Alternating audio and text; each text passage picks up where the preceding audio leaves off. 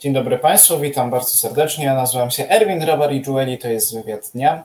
Y, przepraszamy za drobne opóźnienie spowodowane małymi problemami technicznymi, a moim i Państwa gościem jest dzisiaj Amelia Pol, asystentka społeczna poseł y, Katarzyny Überhan, a także członkini Krajowej Rady Młodej Lewicy. Dzień dobry.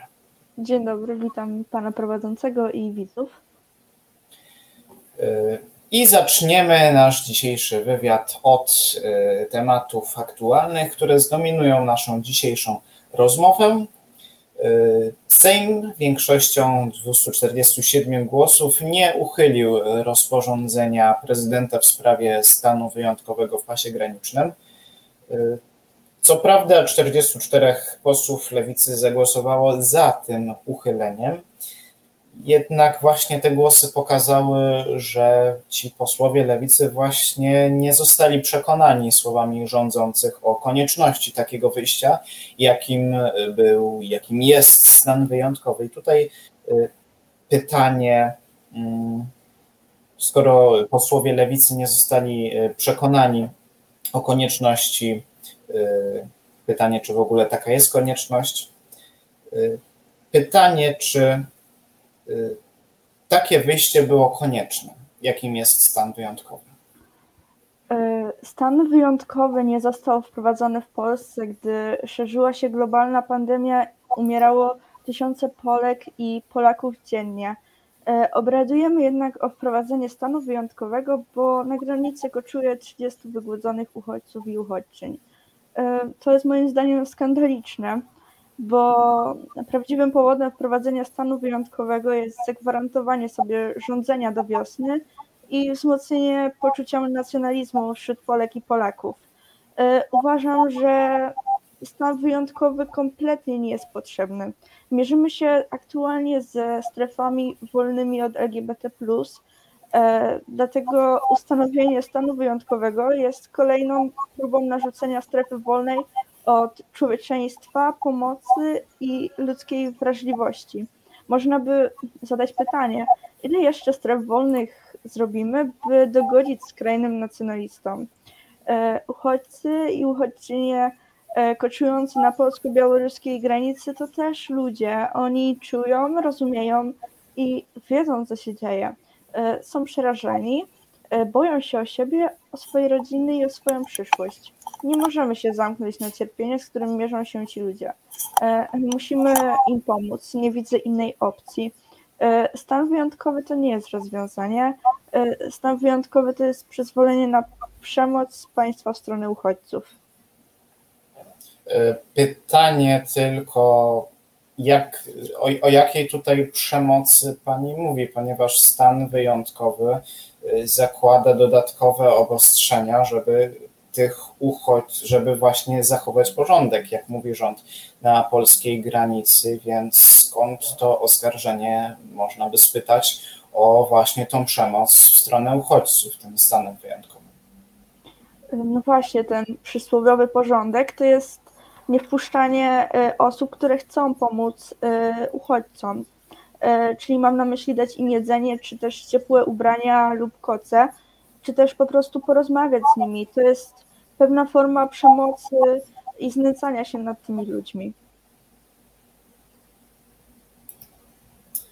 Forma przemocy, tylko myślę, że część naszych widzów nadal mogłaby nie rozumieć, jak ta przemoc mogłaby wyglądać, skoro, y, jak twierdzi Straż Graniczna i i tutaj oficjalne komunikaty, y, ci ludzie nie są po polskiej stronie, tylko po białoruskiej. W związku z tym, o jakiej przemocy, jaką przemoc ma tutaj y, Pani na myśli? Y, mam na myśli to, że my jesteśmy w stanie im pomóc, ale tego nie robimy. I to jest, to, to nie jest o tyle przemoc, co przyzwalanie na przemoc. I też może, może mo, oni tam y, chorują i, i cierpią. Ta, nie, nie, nie pozwalane jest nam y, danie im leków y, czy ocieplenie ich. To jest, to jest właśnie ta przemoc, o której mówię. Pytanie tylko, kto stoi za tym brakiem przyzwolenia? gdzie Pani zdaniem jest ten zakaz? Skąd on pochodzi? Kto go ustanawia? Dlaczego Pani zdaniem nie, nie, nie, nie mówi się, że nie można właśnie tej pomocy przekazać tych materiałów, tych leków przez granicę? E, wydaje mi się, że zakaz idzie z góry, tak? Bo e, Straż Graniczna też nie działa bez e, rozkazów. Oni też muszą mieć właściwy rozkaz, żeby w ogóle zacząć działać. I Straż Graniczna jest tu najmniej winna wszystkiemu, ponieważ oni po prostu wykonują rozkazy, które idą z góry. Czyli mo można powiedzieć, że może wydawać te rozkazy nawet prezydent, E, który po prostu nie wiem dlaczego e, boi się wpuszczenia 30 osób na teren kraju. Dobrze. Przejdźmy zatem do następnego, następnego pytania w tym temacie, który to jest bardzo gorący i bardzo ważny. Manewry Zapad. 200 tysięcy ćwiczących żołnierzy armii rosyjskiej i białoruskiej i do tego, jak stanowią szacunki, 10 y, tysięcy osób sprowadzonych z Bliskiego Wschodu właśnie na Białoruś, które to osoby zapewne będą zmierzały z Białorusi w stronę Unii Europejskiej, w stronę granicy wschodniej Unii Europejskiej, która to jest granicą również polsko-białoruską. Y, I tutaj pojawia się pytanie, jakie środki przedsięwzięłaby Pani, Y, jako premier rządu Nowej Lewicy w tej trudnej sytuacji. Jaki byłby Pani pomysł na rozwiązanie tej trudnej sytuacji? Y, bardzo proszę tutaj pamiętać właśnie o tym kontekście, że mamy zaraz rozpoczynające się manewry Zapad 17. Rząd mówi, że są możliwe różne prowokacje. Jaka byłaby tutaj odpowiedź Pani, gdyby Pani była premierem rządu Nowej Lewicy w tej sytuacji. Jak tą sytuację zdaniem młodej lewicy rozwiązać? Myślę, że z Putinem czy Łukaszenką nie można się targować i też nie da się z nimi targować, ale uważam, że nie powinniśmy się wplątywać w różne konflikty zbrojne czy też y, manewry wojskowe, bo to jest po prostu niebezpieczne. Szczerze powiedziawszy, nie mam zbyt wielu informacji na temat manewrów E, Zapad, e, aczkolwiek uważam, że każdy konflikt zbrojny czy manewr jest niebezpieczny i powinni, powinniśmy się go wystrzegać.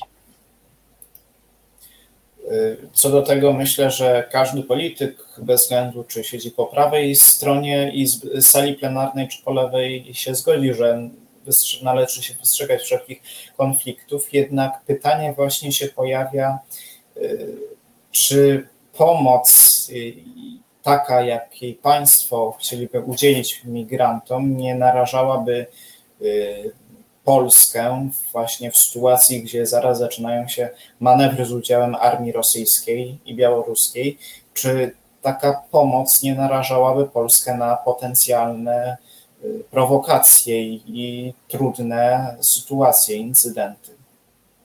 E, uważam, że jeżeli byśmy wpuścili wystarczająco szybko e, tych e, uchodźców i odesłali od razu do punktu dla uchodźców, gdzie mogliby znaleźć schronienie, to nie, ale jeżeli będziemy dalej odwlekać to wpuszczenie, to możemy bardzo, bardzo źle na tym wyjść, tak myślę.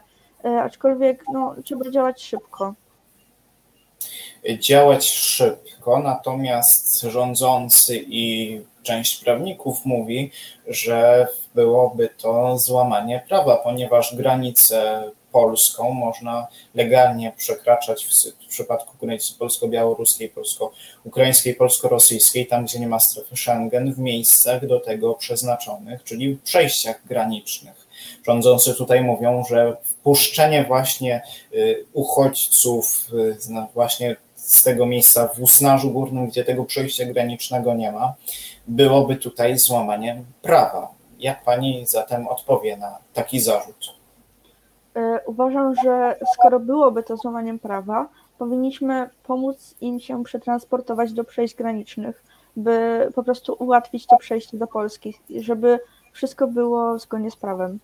Tylko wie pani, pojawia się pytanie, jak mamy to zrobić, skoro y, to przetransportowanie może się dokonać tylko po stronie białoruskiej, gdzie y, Polska jako państwo nie ma jak zadziałać, ponieważ tam jest oddzielne państwo i rządzi y, de facto, chociaż prawdopodobnie sfałszowan- po sfałszowanych wyborach, jednak de facto rządzi Łukaszenka. Jak zatem z Polski mamy tego dokonać? E, mieliśmy próby kontaktu z uchodźcami, które były zagłuszane przez policję. E, w momencie, gdyby mm, tak nie było, moglibyśmy po prostu przekazać e, uchodźcom, żeby w jakiś sposób próbowali się przetransportować. Wiadomo, że to jest trudne, ale no, niewykonalne. Nie niewykonalne i myślę, że no, mogłoby to się udać. Aczkolwiek jeżeli jest taki problem, że nie, nie daliby rady, to myślę, że pomimo tego złamania prawa musielibyśmy ich wpuścić, żeby po prostu im pomóc. Pomimo złamania prawa? Myślę, że ta sytuacja e, wymaga e, takiej, e, takiego przedsięwzięcia ktoś mógłby spytać, ale jak to, czy w takim razie y, głos z młodej lewicy płynie taki, że y, należałoby w tym momencie złamać prawo, a ktoś by spytał, tutaj pani mówi, że w wyjątkowym przypadku trzeba by, takim jak pani uważa, że teraz jest, że trzeba by złamać prawo, a ktoś może spytać, co z tym, jak państwo na opozycji Y, często odwołujecie się do praworządności i do przestrzegania konstytucji obowiązującego w Polsce prawa. Dlaczego zatem teraz mielibyśmy uczynić taki y, wyjątek? Y, spójrzmy też na to, że odwołujemy się do łamania prawa w momencie, gdy nie jest to przypadek, który wymaga tego, tak jakby nie chcę tego ująć źle, ale chodzi o to, że to jest po prostu bardzo wyjątkowa sytuacja i nigdy nie stawiajmy prawa ponad ludzi, bo ludzie, którzy cierpią i prawie umierają na granicy, nie są ważniejsi niż prawo. Są, są ważniejsi niż prawo. Rozumiem. Natomiast nie, na tym nie jestem pewien, czy, czy, do końca rozumiem, jak to pogodzić z tym przestrzeganiem praworządności. Niemniej jednak to już zostaje do oceny państwu Y, naszym oglądającym. A przejdźmy do następnego tematu. Niecały tydzień temu zakończył się kampus Polska Przyszłości, organizowany przez Rafała Trzaskowskiego. Czy była to Pani zdaniem skuteczna próba nowego otwarcia na liberalno, częściowo lewicowych, też młodych, umiarkowanych wyborców, który to zresztą młody elektro, to elektorat, tą jego część dzielicie państwo lewica z takim ugrupowaniem właśnie Koalicja Obywatelska, czy nawet Ruch Polska 2050 Szymona Chłowni. Y, czy Kampus Polska Przyszłości był skuteczną próbą y, nowego otwarcia na młodych i czy może państwu w lewicy zaszkodzić w jakiś sposób? E, Balcerowicz mówiący o tym, że zmiany klimatyczne nie istnieją, kapitalizm jest najlepszy, a socjalizm jest moralny. Nie wiem, czy muszę coś więcej dodawać. Po, pozwolę sobie e, zacytować słowa jednej z uczestniczek kampusu. E, z kim tu nie rozmawiam, to okazuje się, że w sumie moje poglądy są wręcz skrajnie lewicowe. Chociażby dlatego, że nie jestem podniecona perspektywą wysłuchania wykładu Leszka Balcerowicza. Źródło tych słów to e, artykuł Okopres. E, z tego samego artykułu można wyczytać, że e, osoby, które cokolwiek wspominają o prawach osób LGBT lub klimacie, były zwyczajnie wyśmiewane. Może, może, może ten obóz powinien nazywać się po prostu Campus Platforma. Jakby nie patrzeć, większość osób, które uczestniczyły w kampusie, są i tak już wyborcami KO. E, a osoby o lewicowych poglądach, które tam pojechały, raczej upewniły się w tym, że KO nie jest gwarantem lewicowo-liberalnych poglądów, a konserwatywno-prawicowych z uwzględnieniem braku poszanowania nauki. E, warto wspomnieć w tym, że mniej więcej w tym samym czasie odbywał się obóz młodzieżówek lewicy, e, który, na który zostało wydane dużo mniej pieniędzy trwał krócej, miał, miał mniej gości i mniej miejsc, ale były tam poruszane tematy, których młodzi są spragnieni. E, prawa człowieka, klimat, edukacja, a to tylko jedynie kilka kwestii, które poruszyliśmy. Były inspirujące e, panele, a goście to posłowie i posłanki lewicy. Sam obóz odbywał się na Mazurach wśród natury. Wydaje mi się, że wiele osób, które pojechały na kampus, teraz bez wahania wybrałyby obóz lewicy. Przy temacie roli młodzieży w polityce jeszcze zostańmy i tutaj zadamy pytanie, które padło na czacie. Mianowicie, co sądzi Pani o postulacie Polski 2050, aby zmniejszyć wiek wyborczy do 16 roku życia? Czy według Pani Polska 2050 jest partią centrolewicową? E, uważam, że e, obniżenie wieku wyborczego do 16 roku życia miałoby sens w momencie, gdyby w szkole została wprowadzona edukacja obywatelska. E, to wtedy młodzi byliby informowani o tym, jak, jak działa w ogóle prawo, jak działa jak działają wybory i jak głosować, jak, jak, jak wybierać osoby, na które głosujemy. E, co do tego, czy e, Polska 2050 jest e, centrolewicową partią, uważam, że kompletnie nie. Jest to po prostu partia centrowa, która nie ma, mówiąc szczerze, poglądów na lewo czy prawo. Oni są po prostu tak bardzo pośrodku i mają po trochę, trochę tego i trochę tego. Rozumiem. Przejdźmy do kwestii, która jest bardzo aktualna, szczególnie po wakacjach, że tak powiem. Uczniowie spędzili dziś pierwszy wtorek po właśnie zakończeniu przerwy od nauki w szkole.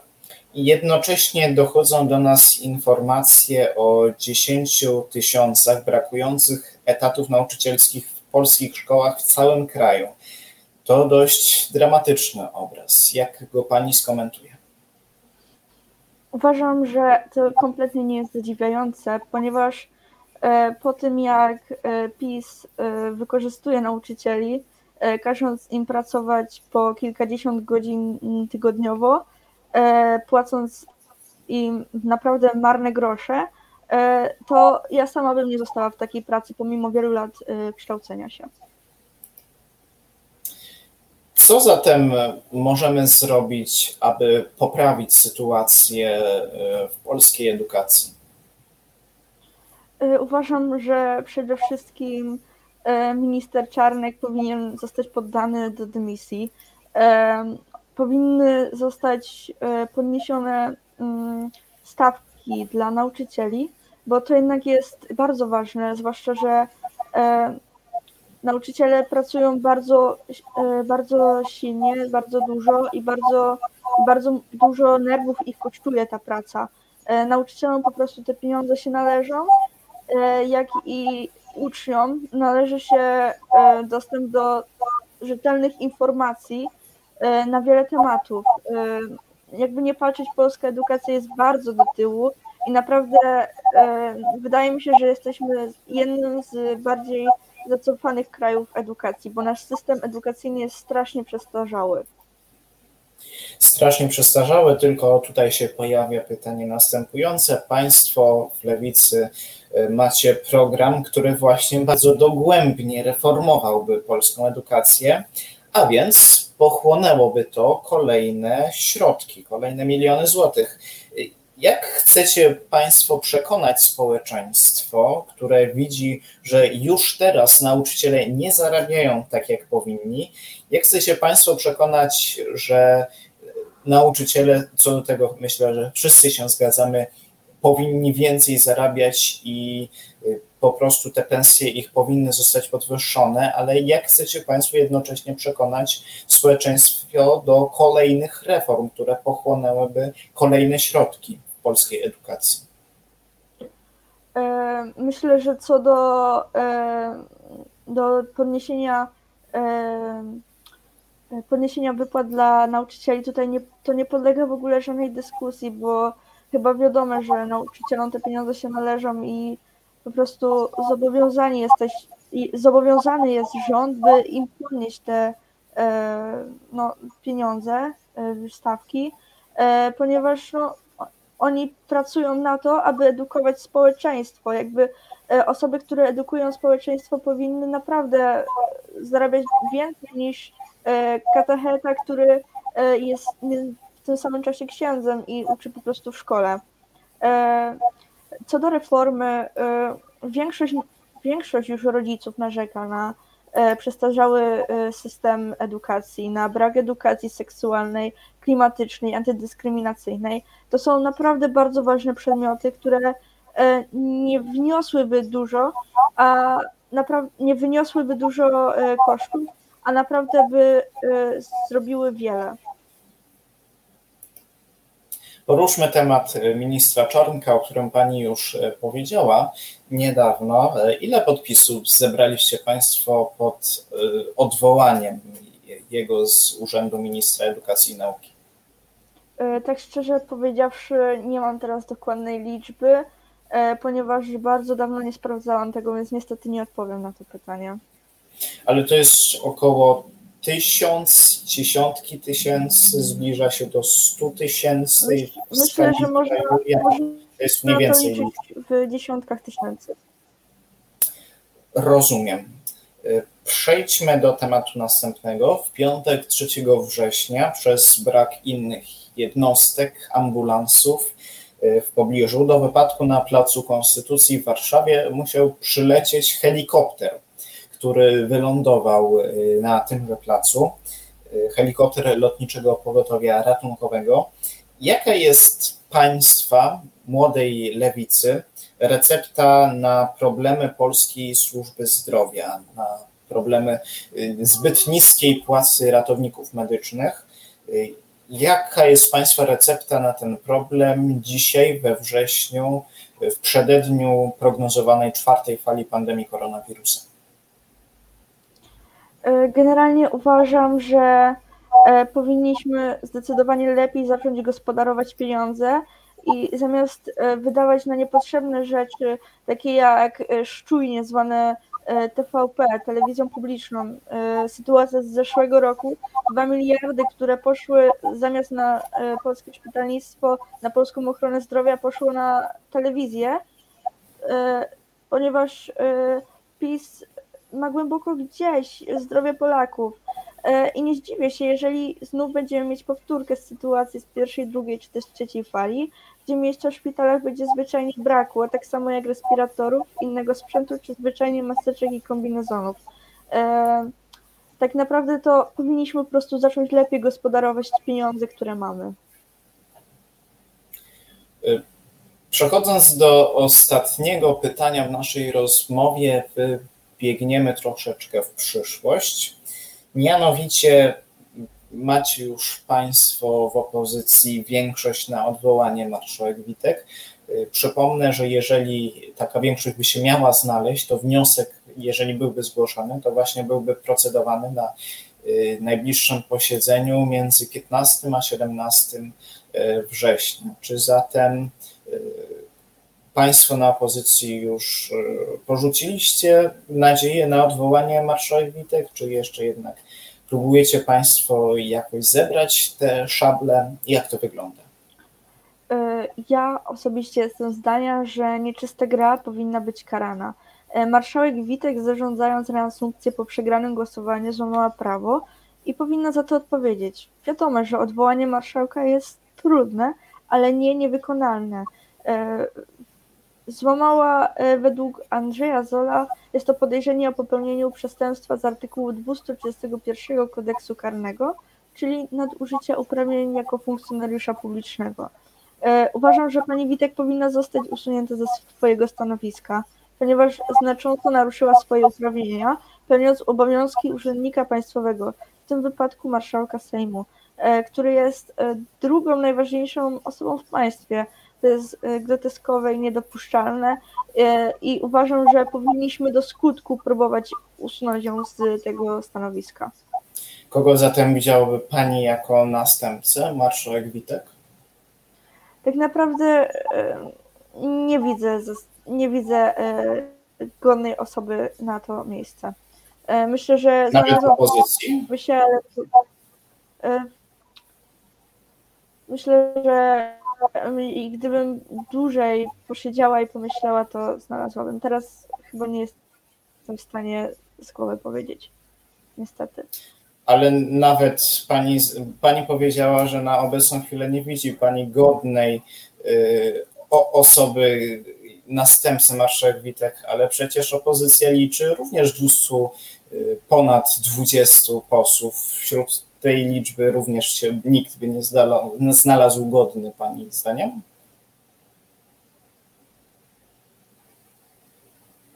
Nie no, przykładowo, nie chodzi mi teraz o to, żeby kto by na pewno tutaj miał być, ale. Nie no, oczywiście. Kilka jakichś nazwisk, które pani by widziała.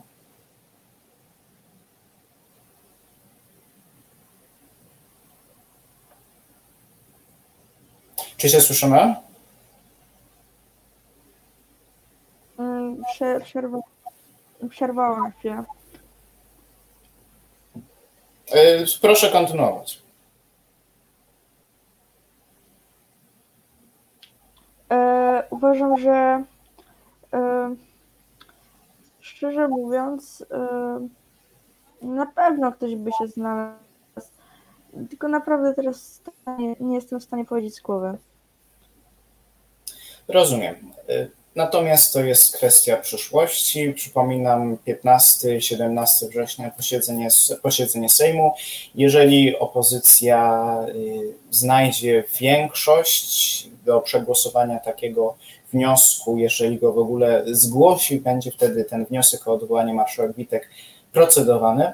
Niemniej jednak to dopiero w przyszłym tygodniu. Będziemy to śledzić i również na naszym kanale na MyPolitics komentować w naszych programach, a to byłby, to w dzisiejszym wywiadzie to byłoby na tyle. Moim i Państwa gościem była Amelia Pol, asystentka społeczna poseł Lewicy Katarzyny Uberhan, a także y, członkini Krajowej Rady Młodej Lewicy. Dziękuję za oglądanie. Ja nazywam się Erwin Rawari-Czueli i to był wywiad dnia. Zapraszam Państwa do kolejnych programów naszego kanału My Politics. Chcielibyśmy również bardzo podziękować za y, za to, że są Państwo z nami. Ostatnio odnotowaliśmy 20, 25 tysięcy subskrypcji, na tym jednak nie koniec. Idziemy po jeszcze więcej, jeszcze więcej, abyśmy się mogli dla Państwa dalej rozwijać i budować społeczeństwo świadome politycznie. To był dzisiejszy wywiad dnia. Dziękuję.